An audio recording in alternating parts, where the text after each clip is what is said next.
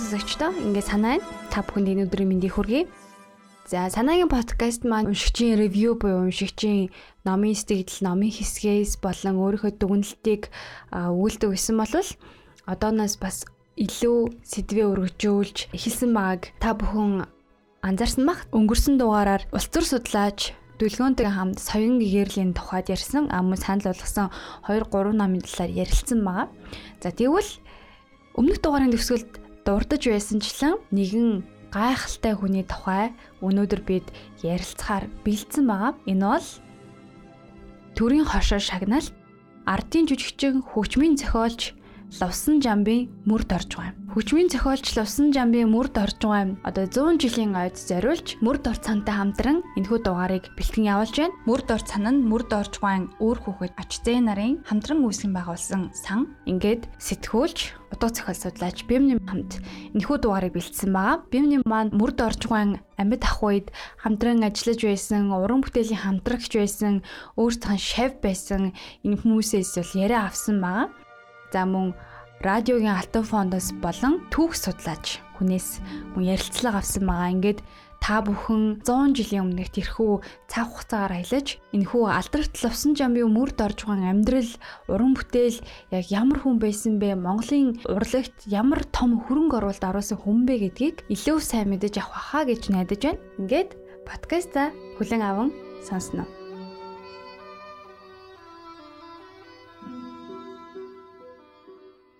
Намайг ардын жижигчний өндөр алдар нарыг олох хүртэл өсгөн боожуулсан боожуулах талаараа тусланд итгэж байсан ардын засгийн ач тусыг би эцгийн хайр халамжтай гэж адилтгаж зүйрлэж явдаг. Ардын засгийнхаа ачийг би нэгэнт эцгийн хайр халамжтай зүйрлж явдаг болохоор энэ л ач тус энэ л аз жаргалтай амьдралаа магтан дуулахаас өөр туйлын эрхэм зориг надад байхгүй. Энэ л эрхэм хүсэл намайг хөгжмийн зохиолч болох замд хөтөлсөн юм аа.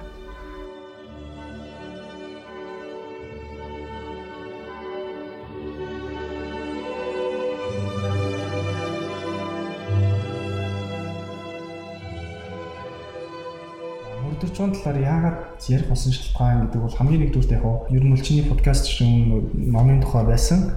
Би хувьдаа л тэгж боддог уран зохиол хүний амьдрал хоёроо яг ингэ тэнцэнхэн явж байгаа. Уран зохиолд юуны тухай бол хүний амьдралын тухай үлддэг.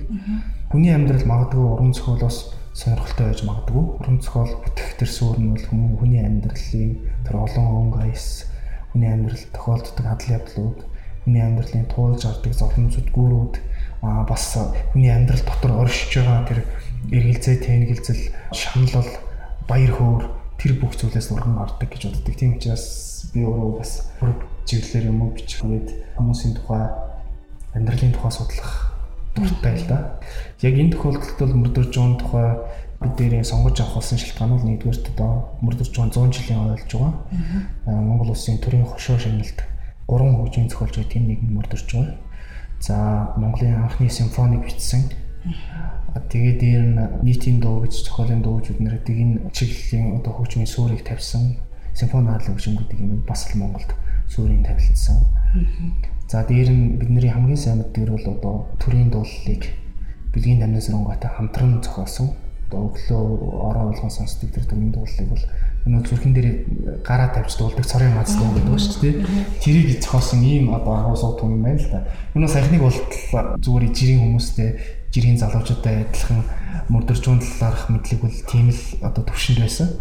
Аа тэгээд 100 жилийнх нь тохиож толгоотойгоор дөрвөн зураг нийтлэл бичих болоод Тэгээд энэ хүрээнд бол яг одоогор бол нэг 10 орчим хүнтэй уулзаад байгаа. Яг мөрдөрчүүтэй хамт ажиллаж исэн таньдаг байсан, нэг өрөөнд сууж сууж исэн, маш олон уран бүтээл дээр нь одоо ихэнх уран бүтээлээ цогцлмонгод хамтарч исэн баг дуунуудыг их олон дуу. Тийм байдлаар 10 орчим хүнтэй уулзчаад байгаа. Дараа уулзах хүмүүс оруулах юм 10 гаруй хорой том болох гэж байгаа. За ингээд нөгөө мөрдөрч гэдэг энэ хөгжмийн зохиолчийн тухай нэг юм мэдээллийг цуглуулад одоо бол арай өөр талаас нь харж эхэлж шүү дээ таньдаг мэддэг болсон.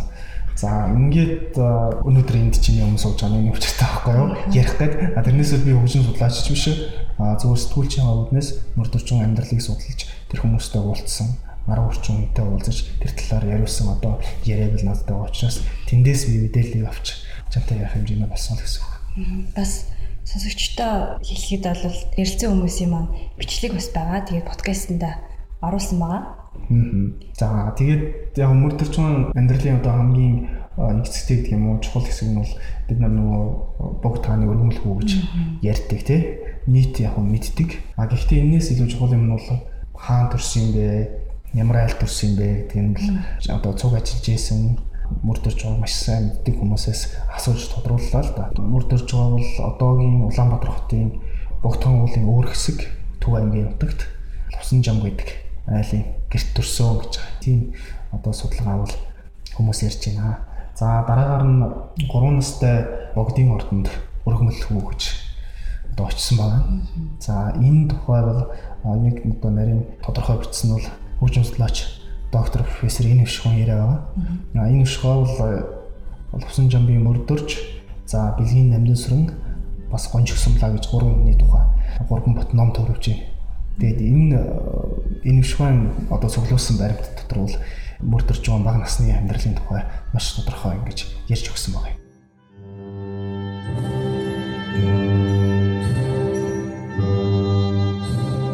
За Богдханы ордонд өргөмөл хүү байсан гэдэг талаар бол одоо нэлээд хэдэн хүн баримттай хэлж байгаа. За Жансан оргоо ярьсан Богдханы өргөмөл хүү байсан гэдэг одоо төрийн сойрхолт өгч олон улсын харилцааны хүрээлэнгийн доктор Батсайхан гоо бас энэ талаар одоо баримттай хэлж байгаа. За энэ вшван номонд бас дурдгдсан байгаа. Ингээд ямар учиртай энэ богдхааны ордонд очиж амьдарсан юм бэ гэхээр богдхан бол тухайн үедээ одоо дондог дулам гэж хатныг одоогийн Хинтээ аймгийн нутгаас буулгаж авсан. За дондог дулам хөвчин жануу ангийн хушуу гэдэг байгаа. За дондог дулам хатан богдхан хоёр бол цэц залууханда гэр бүл болсон ч гэсэн ерөөсөө хүүхэд төрөөгүй юм байна.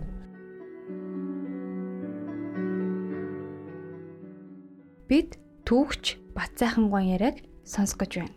За тэгээ 20 дугаар зууны ихээр нээсгсүүлээд ер нь бол одоо богдын ордны дэргэд бол одоо олон олон хүүхдүүдийг за өөрсдөө санаачлагаараа ноёдуудаас хүүхдүүд авч одоо өсгөн хүмүүжүүлэхээс гадна за хүрдэн дээр тавьсан хүүхд гэдэг юм уу ядуузууд амьдралтай хүмүүсийн хүүхдүүд гэдэг юм уу авч өөрийн дэргэд асарч хамгаалж боловсрол олгож ирсэн юм байна. За энийг бол сүүлдээ жишээ нь хатан өөрөө дэрэгдээ авч хатны ээж одоо бас далайн ээж гэдэг нэрээр олон олон тийм хүүхдүүдийг бол сургаж хүмүүжүүлж бойжуулж исэн бол бодлол байна. Тин тэр бол тодорхой. За тэгээд бүр тухайлан одоо ингэ жишээ болгоод ярил өнөөгийн Монгол улсын өглөө болгон сэрдэг тийм орой болгон одоо бидний чихний тасал болсон төрийн дуулалыг зохиосон мөр дөрж байгаа бол богдын өргөмөл хүүхдийн богдын хүүхд гэдгийг бүр социализмын хатуу жилүүдэд ярьж хэлдэг байсан. Тийм за мэдээж одоо өвөр хоорондоо шивэр авир ярьдаг байсан гэдгийг мэднэ. 90 оны дараа бол энэ бол тодорхой богдын өргөмөл хүү байсан гэдэг нь бол тодорхой байгаа. Тийм тэгээд тэр богдын ордны боловсрол цэглэхэн гайхалтай боловсрол болсон гэдэг нь Монгол улсын өнөөдрийн орчин үеийн Монгол улсын төрийн дуулыг богдын ордонд өссөн мөр дөрж байгаа зохиосон гэдээ бодвол ямар боловсрол тэндээс авсан байна вэ гэдгийг харагдах байна.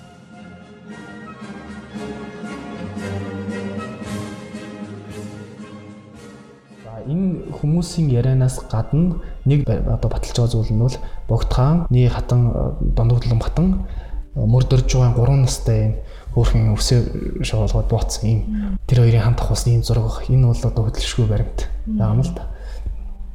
За тэгээд энэ хувь тохиолдолоор одоо богдхааны ордонд очиод дондогдлом хатан дондогдломын хатны ээж туу далайн ээж гэж түүхчид ярьдаг далайн ээж энэ асрамжинд байж аваад одоо 5 нас хүрэх жил 1924 он гараад нөгөө Монгол орнын хувьсгалын нэг юм үмэнтэй самуунтай жил болоод за тэгээд тэр үеэр бас богдхан таалллоод ингэсний дараагаар бол тэр богдын ордонд өргөдөж одоо хүмүүжчихсэн хүүхдүүдийг гэр гэрт нь буцаасан 9 эрдний бэлгтэй гэдэг баха. Тэгж буцаасан юм билээ. Богдын ордонд байсан цаг үе яагаад богдын ордонд байсан мөрдөрч бодос нөлөөсөн байх боломжтой бол Бацааханга яриан дээр тодорхой дурдсан байна. Тэр богдын ордон тухайн үед бол өөргөө хүрээний хамгийн боловсрсон бас баялаг юу гэдгийг одоо хөгжмөн гэдэг л найрал хөгжмөн хэсэг байж ах жишээний тэгэл хөгжмийн зэмсгүүд дээр нь гадна дотны хүмүүс орж гардаг одоо юу гэдгийг хамгийн их одоо нэгдсэн соёлжсон газар л байж л дээ бас тухайн үед шашны газар ч гэсэн нөгөө төвөр бас нэлээд соёлжсон юм газар байж. Тийм учраас энэ бүхэн бол нөлөөсөн байж магадгүй гэдэг нь бол төвч хот сайхан доктор ярен дээр гарч байгаа. Бас нэг сонирхолтой хэсэг нь бол согжим судлаач энэ өвшгөн яран дээр орж байгаа нэг хэсэг нь бол энэ бас зөвхөн богдын ордонд байсан тэр нөгөө хөгжим бүрээ бишгүүрээс болсон юм биш.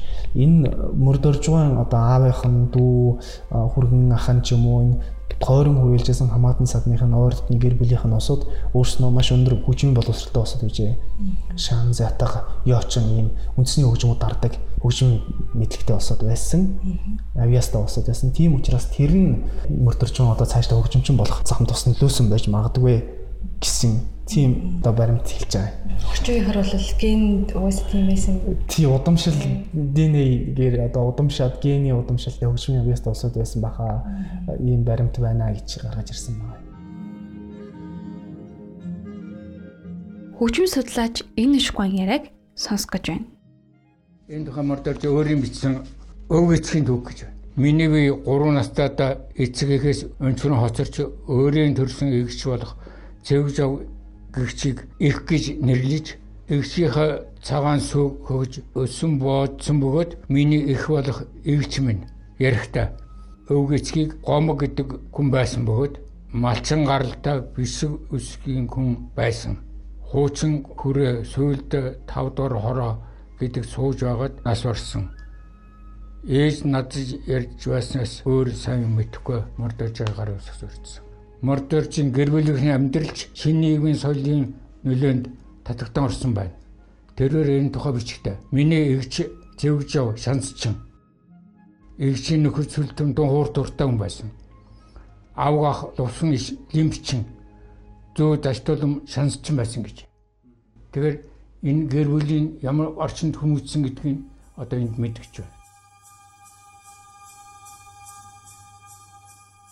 Хүмүүстэй уулзаад ингээд сэтгүүлчүүднээс баримт цуглуулж явж байхад харсан нэг зүйл нь бол тэр хамаатнууд нь одоо ойр хүрээнийх нь хүмүүс хөгжмийн авьяастай байсан ч богдын ордонд байхад богдын хүрээний дотор тэр хөгжмийн зэмсгүүд байсан, найрал хөгжмийн чуулга байсан гэдэгч бас тийм гол зүйл биш байсан баг. Энэ хүн өөрөө төрлөх авьяас байна. Дээр нь хөгжимчин болохыг маш их хүсэж ээжээ. Аа тэгвэл тэр үндэсний телевизийн алтан фондод байгаа алдар дуучин дорж давхгүй ярьсан дурсамж байна л да. Тэн дээр бол маш тодорхой байгаа шүү дээ. Анх яаж өнгөр ногоонд очисон тухай. Тэгээ тэр түүхийг одоо энэ биш бай надад ярьж та. Энд одоо өөр өөрөө хэлсэн байна. За мордоржийн хөгжлийн урлаг хөл тавьсан түүхээс миний бичснээр мордоржийн бага насны амьдрал хуучин шин нийгэм ээлж солигдол дээр хуучин шин соёлын уулзар заг дээр тохиолсон болохоор түүнд буддын шашны соёл шин цагийн соёлын алианаас хүртэх хөв тааж нийгэм түүхийн соёлын уулзуурдаар төрсөн ба шүү дээ. Энэ тухай тэрээр өөрийн амтартаа би их хүрээний шүтэний аймаг аймагт лам болж үншлэг нэрийн номын өмнөх шат буюу зүдийн ном дууссан гэж. Тэр энэ хүн лам байсан байна. Нэрийн ном орчуулгын номны өмнөх зүдийн номыг дуусгасан ийм авьяастай ийм чэйжтэй тийм бэлэг авьяастай хүүхд байсан шишний энэ сургуульд сурснаас харагдж байна. Мордод 14 наснд нийслэл хүрээний бав сургуульд орж улмаа санхүүгийн нэгтлэн бодгийн 6 сарын курс төгсөжээ. Энэ өөр одоо тухайн орчинд ямар энэ хүний бэлэг авьяасаа юу нөлөөлсөн гэхээр зэрэг энд бас бичсэн байна. Манайхаар орон цагаар зарим үед гоожин ана гэж хуурж ирж хуурддаг байлаа олон янзын дуу хуурдаж дуулахт миний сэтгэл хөдлөж явсны хойно хууль савхаарад хуурдлыг үзүүлдэг байлаа. Манайхаа лувсан хуурч хэрж үлгэр домог хуурдаг байлаа, гэлдэг байлаа. Манай гэрийнхэн их сонирхож сонжин яриулагт нь би яаж мөрөн хуурч болох вэ? Яаж хуучилчин болох вэ гэж боддог байлаа гэж муу явуулсан байна. Сэлвийн гүрний тэнд гэтэд дэлгүүр байдаг байлаа. Одоо манай артланд гүр шүү дээ. Нэг өдөр тэр дэлгүүрт орвол ноолын утсаар утсгсан хуучир байх байхыг 6 төрөөр хөтлөж явлаа. одоо бодоход лувсан хуурчин хууцар шиг том байсан санагдана. Сургуулийн байранд ирээд өн оролдог боллоо. Болмоор ч юм шиг, болмооргүй ч юм шиг санагдана. Ингээд үе Шивакагт Ганди мод хүмүн төрлөгдөн гуравтаа нотлох ихсэндээ гэж байна. Сүүлд нь энэ гурав дээр Гожин анагийн сагсар самбаа гэдэг дуу нэмж сурсан гэж байна. Гонжоо хамгийн алдарсан дуу шүү дээ. За ингээд нэг тийм отхон сургуулаа төгсчээ. Хөдөө явгаа гэргэнтэй хэлээгүйгээр нөгөө муу хуучраа бариад нөгөө хідэн дуутаага бөмбөр нугаан чатар гэдэг төрлөө гэж. Бөмбөр ногоон театр гэдэг нь юу вэ? Бөмбөр ногоон театр гэдэг бол одоо Монголын хамгийн анхны театр шүү дээ. Одоо түүхэн зураг нь бол нэлээд олон байдаг. Бидний мэдж байгаагаар энэ засгийн газрын ордны зүүн хэсэг одоо нөгөө галерей Улаанбаатар байгаагийн баруун талд бараг тэр зам дээр шухуу тэр галерей Улаанбаатар байгаа хэсгийг оролцуулаад засгийн газрын зүүн хэсгийг оролцуулаад яг тэр хэсэгхэн газар энэ том бөмбөр юм театр байж л дээ. Энэ анхны театр нь баригдсан. За энэ театрт анх очсон гэж. Энэ талаарх яриа бол одоо орчнохон яриан дээр их сонирхолтой гарна.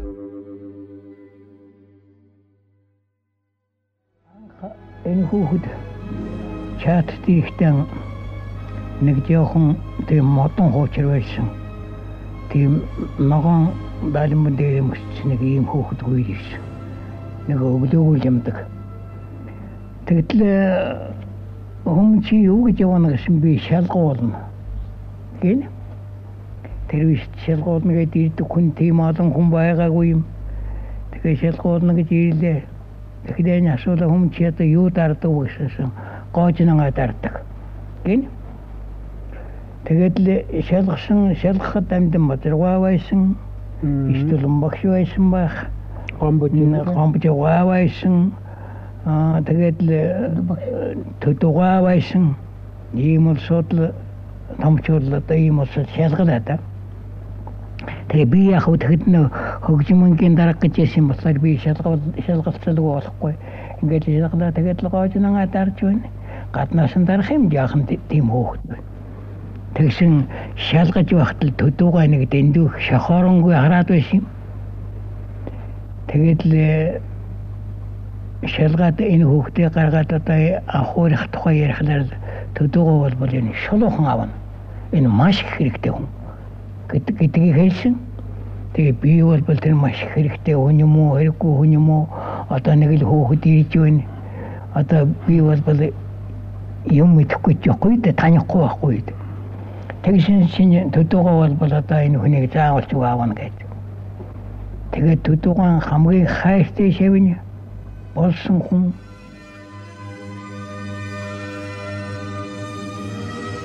Хөгжим судлаач энэ шгуан яриаг сонсох гэж байна. За ингээд инхээр энэ хүний багш нь төдөө төвдөн иш тулам нар байх нь шүү дээ. Тэгээд энэ багшаас юу сонсохоо мөё багш хэлсэн байна. За ингээд ингээд чатарт ороод ингээд э, хөгжимд хөл тавиал ингээд явжээ. Тэгээ төдөв багш нь ирж байна. За хүмүүн айлын засанд явна да гэж байна. Багшийнхаа хуурдж байхыг сайн ажиллаж байдаг юм шүү дээ. Ийм л журмаар хөгжим сурна шүү дээ.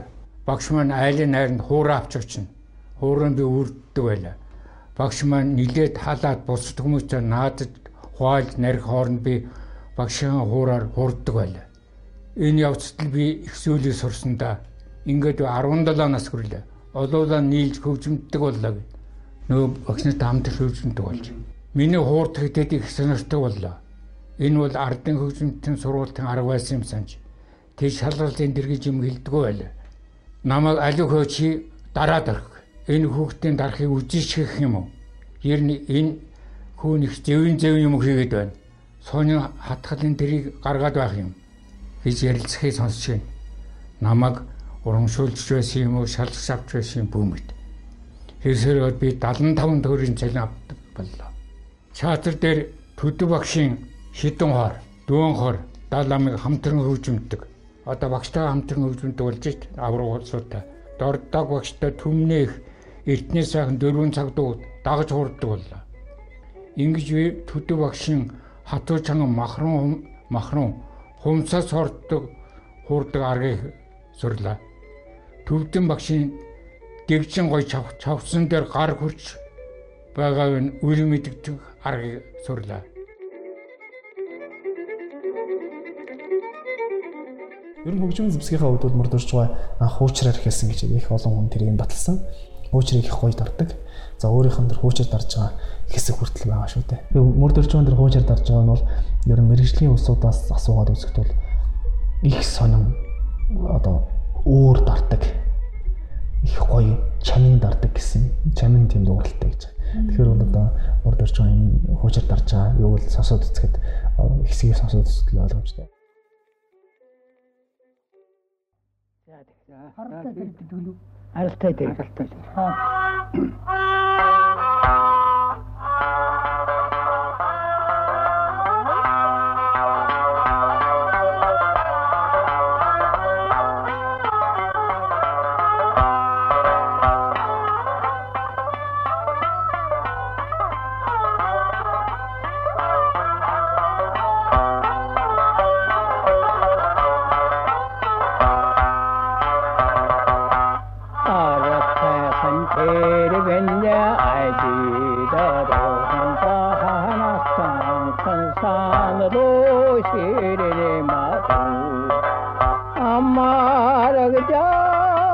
дэрэгддэг үү? Харалтай дэрэгддэг.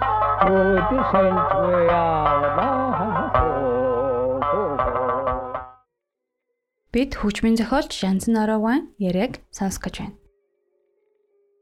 Төдөөг шав орсон хүн тэр бүр жоохон хүүхэд байх та мөрдөрж байгаа. Тэгэхдээ төдөөг нь одоо гол хуурийнх нь эрдмийг авч хоцорсон уламжилсан хүн бол гомбодарч инжаамин гэж уурч байсан. Тэгэхээр үндсэндээ бид нар бол тэр төдөв гэдэг төдөв гүнийг бол бид нар Монголын орчин цагийн мэрэгжлийн хуурын үндсэн одоо их суурийг нь тавьсан хүн гэж үздэг. Тэр хүнээс мөрдөрж ус суралцсан хэрэг. Дорж давхбаан дурсамжид байдаг. Төдөө бол мөрдөрж бод маш их хайртай. Маш их авьяастай. Цэрэгт яваад хуураа бол төдийл нэг сайн их хуурдаагүй. А ерөнхийдөө үндсэн хуурийнхаа суурийг бол төдөөгоогоос авсан.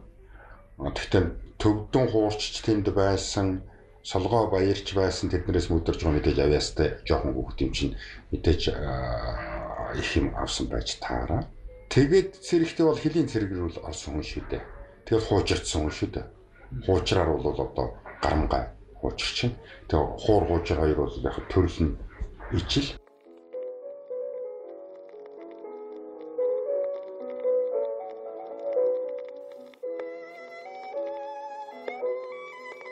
Өнгөр ногоон театрт дагалдан хөгжимчнөө ороод тэгээд 46 7 оны ардын явсгалын байрнаад мөр нэг үндэсний хөгжмийн улсын уралдаан гэсэн нэг тийм юм болсон юм шиг байна. А тэр үед бол хингээ мөр дөрж байгаа цэрэгт очсон байсан.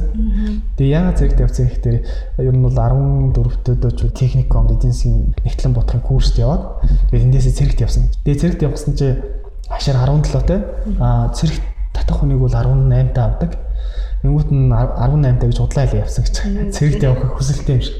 Тэгээд цэрэгт очиод нөгөө авьяастай учраас хөгжим дараал тэгэл удлаг нөгөө уран сайхны хэсэгт ороод авьяастай учраас тодорхойл. Тэгээд цэргээсээ нэгдүгээр байраа шалгарч тэр улсын уралдаанд оролцсон гэж. Тэгээд тийм дэр хуучраар оролцоод тэгээд 17 наснда улсын алдарт гавьяаччин гэдэг цолыг авсан, тийм бага наснда авсан цорын ганцхан болж байсан байхгүй. Тэгэхээр бол энэ нөгөө авиас гэдэг бол угаасаа цаанаасаа төрсэн тийм төрмөл хүн байж л дээ. Тэгээд 17 наснда алдарт гавьяач жүжигчин гэдэг тийм цол аваад тэгээд цаашдаа хөгжимчин болох гараагаа ихэлсэн юм бэл.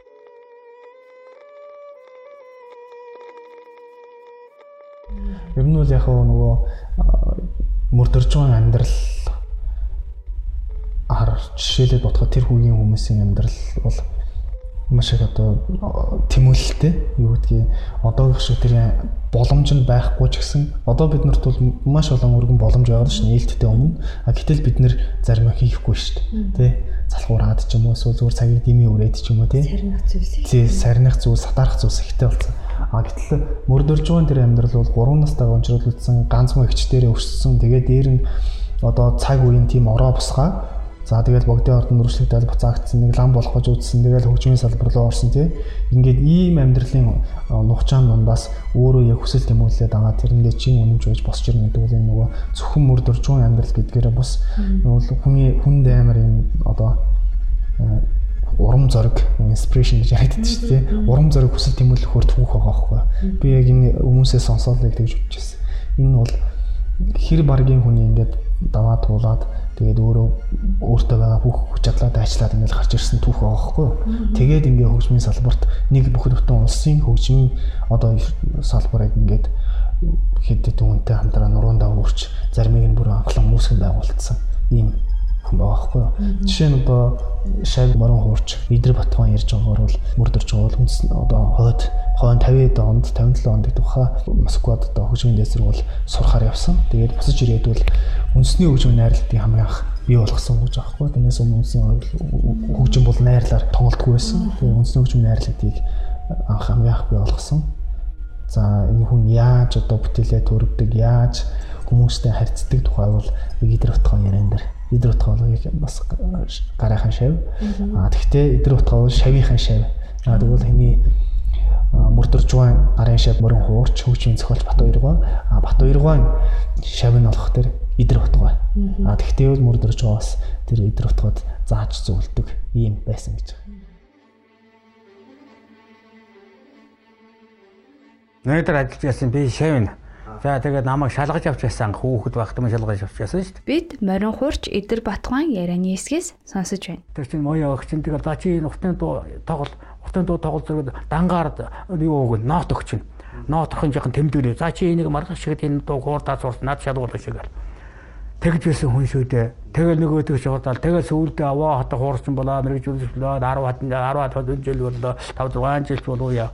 Тэгэл одоо Норвон зүдгаал сүгэл муугаал хамж угаал бүхэл одоо хууцтай одоо хуурдаж одоо олон жил хуурдаж. Хуурдлаа да би. Одоо сайхан төрийн найрал хөгжимдөх тоглоод л гэж. Багшийн миний буян зохиол мохоол жоохон бүтээдэг боллоо. Би л таараа хол байсан болохоос багшийнхаа улам төвшөөл ингээд ажиллаад л байсан бол их юм сурах байж би. Багш надад тэр ухаан энэ тэр хөгжим чи чи хөгжим зохиол чи миний хийсэн бүтээлийг сайн сонирхож байгаарай чи Жиний танаалаас нь тийм танаалаас явд ингэдэг тэгж эхэлдэг ийм маягтай байдаг. Чи ганц хоёр дуу муу зохион тэрийг л одоо намаа гэж тэгнэ л дээ. Чи над үзүүлсэн шалга болно гэл. Тэгээ наддаар их анхаар тавьж байсан хүндээ миний багш бол их ховор хүндээ. Багшийнхаа энэ тийм юм дандаа надад ингэж мэдрэгдээд байдаг санаанд ингээл буугаад л ингээл за багш минь тэгээ багшийн хөгжим их сонсно. Тэгээ алтан өргөний хөгжмөлгөн тэрл орон дэлгэн тэрл одоо шаргын говийн ялаагаа нэг сайханта бүжиг жүжигийн нуута алтан дүн одоо мөнгө өхрэн чимээгээдгүй ер яасан ч гоё юм хийж өссөн гэдэг бурхан минь. Тэгэл тэр багшийн минь тэр их бүтээсэн бүтээл нь миний баг цосон шингэжээ. Шингэсэн бай. Би тэг залбирч авдаа. Тэгээд одоо тэр хүний буянгаар өдөө хүртэл одоо би талгаараа явж байна. Өдөө хүртэл одоо би тэр 60 гараа гавьяаныхаа амралтанд гараад одоо энэ Монгол улсын консерватор зөвлөх хөшөөр ажиллаа сууж. Энэ бол одоо миний багшийн морин хууранд одоо сургасан тэр л одоо хийсэн байсан захиас үг намайг одоо халамжиж байсан тэр хүний их халамж юм шүү дээ хөгдөд.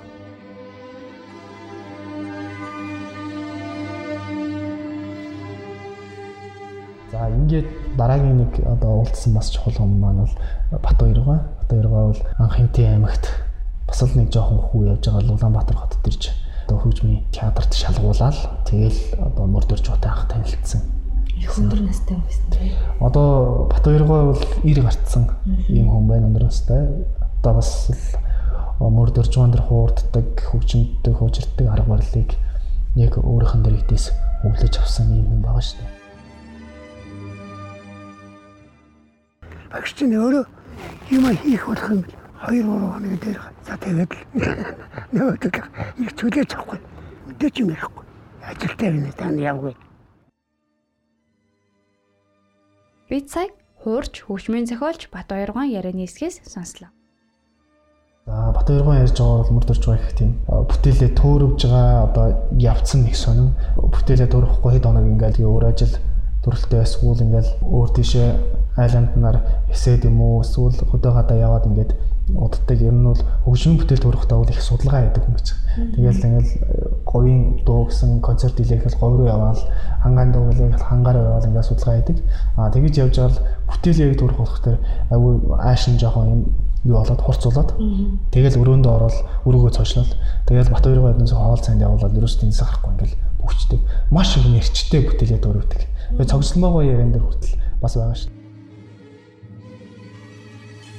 Бид ардын жүжигчин цогцлмаагаан дурсамж ярианы хэсгээс сонсож байна. Тэр их соништай яг бүтээлийн яг тазар хаалга төвжиж хоорлох. Тэгэл.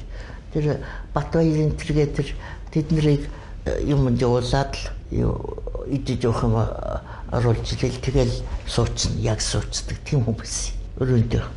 Чуулгатайхтай лавд юм байсан. Тэгэл дорнд гаргаад ирэндээ их тийм фантастайтай композитортай бүх талаар бүх бүх жанраар бичдэг байсан шүү дээ. Шок, хошин, их орны сэдвтэй бүх жанраар бичдэг. Авьяастай тийм л хүн байсан да.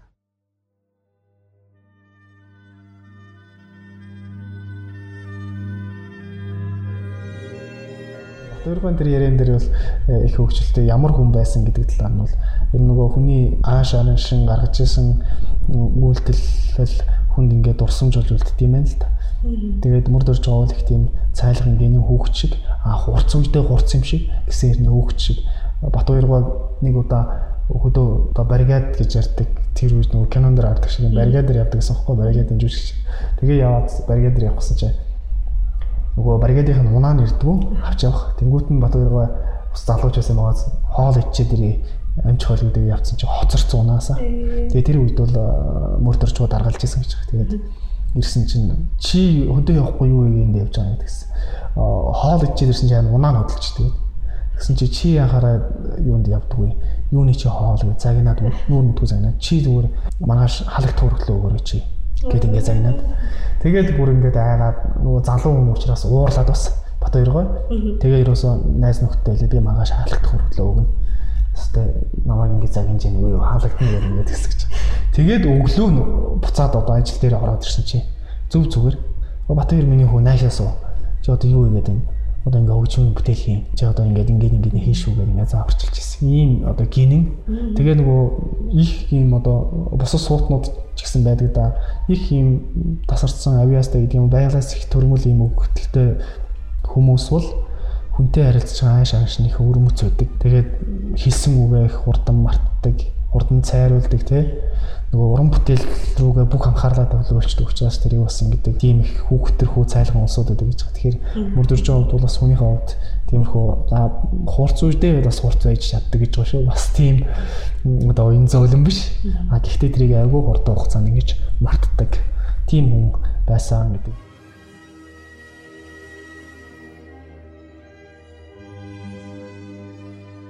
Бид хөгжмийн зохиолч Янзан Араван яриаг сонсох гэж байна. Дамдис рунгаа тэр хоёр бол яг нэг үеийн хүмүүс өрсөлдөгчд бол биш. А магадгүй дамдис рунгаан өрсөлдөгч бол харин гожигсомлоогоо байсан байж магадгүй. Найз нөхдийн хувьд бол хоёлаа шал ондоо хоёр үе юм чинь. Хийсэн бүтээлэр биш шүү дээ. Нэр хүн театр байгуулсан. Одоо тэгэл намсраа жив чулууны нэг театр давсан тэднийг өсгсөн хүмүүжүүлсэн хамгийн одоо том бягтай дамдис руу юм чинь. Мөдөрж байгаа бол уран бүтээлийн бичээд байдаг тэр нэг улс төр мөргээд одоо гүгээд байхгүй. Тийм учраас тэр хоёр үерхэд мөдөрж байгаа загсан ч явахгүй. Дамдсар нь загсаагүй даалга бол. Тэгээд авиас билгийн хувьд шал ондоо хоёр юм шиг. Мөрдөрж нь бол зүгээр ирсэн салхи шиг хурдан бүх юм бүтдэг. Бодлоо, хийлээ, суулаа, гарлаа.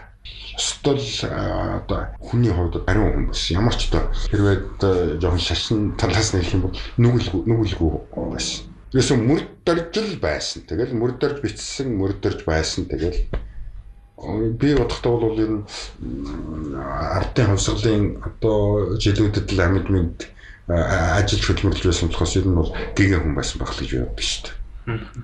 Ер усын. Ер усын. А ер усын байдлаа бол тэгж хүмүүст илэрхийлэхгүй. Ер усын байдал нь хамгийн ерийн байдал руу өөрийг аваачдаг тийм л одоо хүн байсан. Бид ардын жүжигчин цогцол маагвайн дурсамж ярианы хэсгээс сонсож байна. Хамгийн хөгжилтэй гэж хэлэх одоо их хөгжилтэй сэргэлэн ер нь моёг би одоо их тийм уйтгарлаад яам гэж байх энийг ч үзээгүй тэр олон жил ажиллахад ер нь өөрөө их тийм цоглог хүн шүү дээ. Амьдралын одоо тийм цоглог их амьдралд ихтгэлтэй тийм хүн. Тийм ч учраас уран бүтээлүүд нь тийм сайхан гардаг байна л да. Моёгийн одоо их уйтгартай тийм хөгжим ер нь байхгүй шүү дээ баг. Их тийм цоглог өөрөө тийм хүн юм л да. Алиа бас тийм хүн байсан да.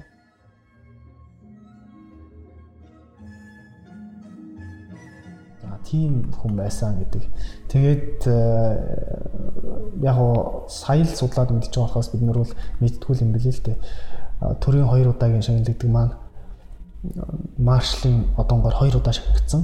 За тэрийг бол бэлгийн намнаас өнгө авсан бас л сууд өгч юм зохиолж тусан жимээ мөр дөрж гэдэг юмсан. Одоо горгол амьд мэнд байгаа нацгийн янцсан руугаа бас авсан. Ийм гурван хүн л хөгжмийн салбарт төрийн хошоо шагналдаг шагналыг авсан юм билээ.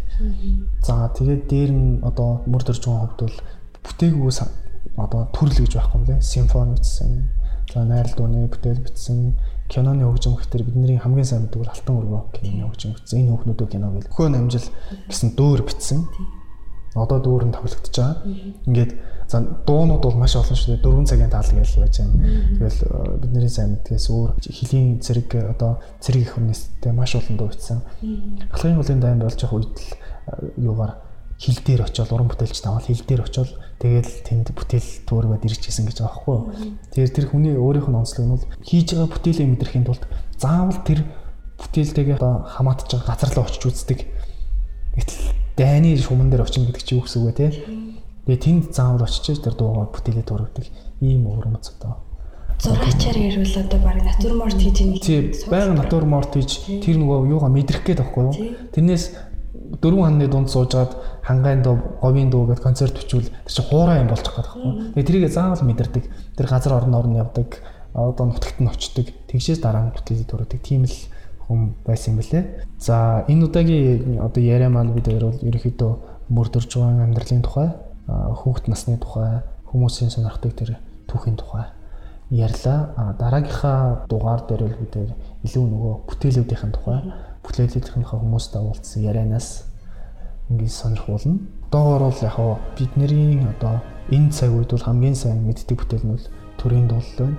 А гэхдээ яг хөгжмийн салбарт бол Алт өөргөө киноны хөгжмийг бичээл хөгжимчдээр тоглуулахад Германы хөгжмийн зохиолчд хөгжимчд биширч исэн гэж байгаа байхгүй. Тийм одоо зиндан айлын дэлхийн чансаатай хүн.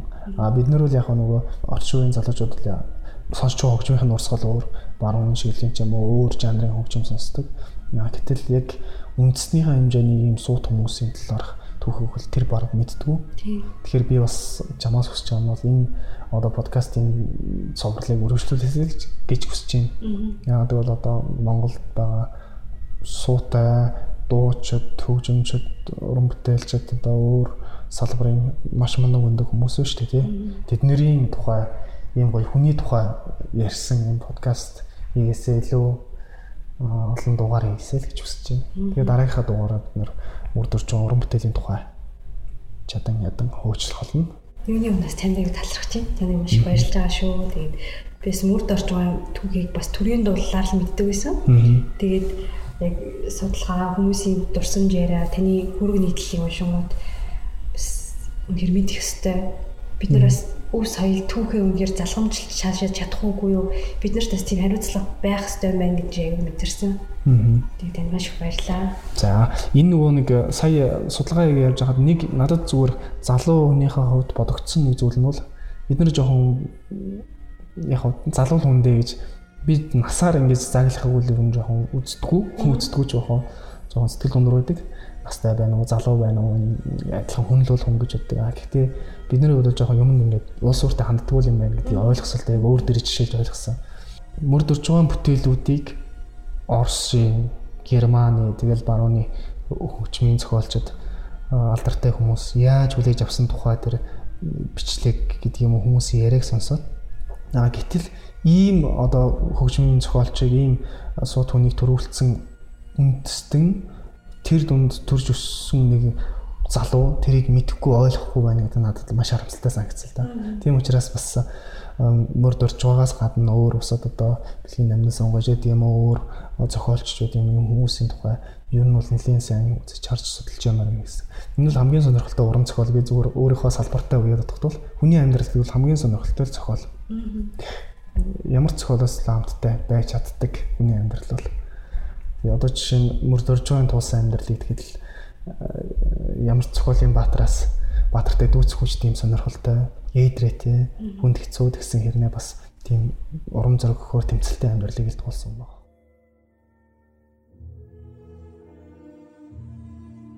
Хөргийн маань нэг хэсэг нь энэ 7 хоногт гарчиж байгаа. Хэвлэлээр цаасан хэвлэлээр ус гарна. Тэгээд дээр нь UB Live сайт дээр гарах бах. Хоёр дахь нь болохоор эх сард юм уу?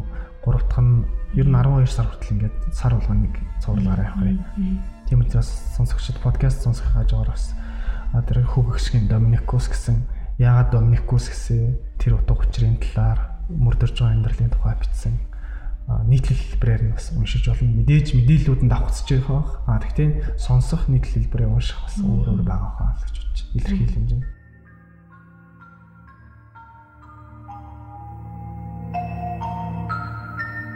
За энэхүү дугаар маань мөрд орж сантай хамдран хүрэж буй хөрөг подкастын эхний дугаар байлаа. Тэгэхээр энэ дугаарт маань мөрд орж гайн амьдрал уран бүтээлч хүнийх нь хувьд олон сайхан гайхалтай хөгжим, симфон, тайсны уран бүтээлүүд гэх зэрэг маш олон Монголд шин шин зүйлийг анхдагч нь үе чадсан хүү гавьяатай хүний тухай ярьлаа. Дараагийн дугаарт бид нэр түүний уран бүтээл болон төрийн дуулалыг хэрхэн бүтсэн тухай илүү дэлгэрэнгүй түүхүүдийг хөрөх болно. Ингээд Бямны мах манаас маш олон хүмүүстэй уулзаж ярилцаж явж байгаа.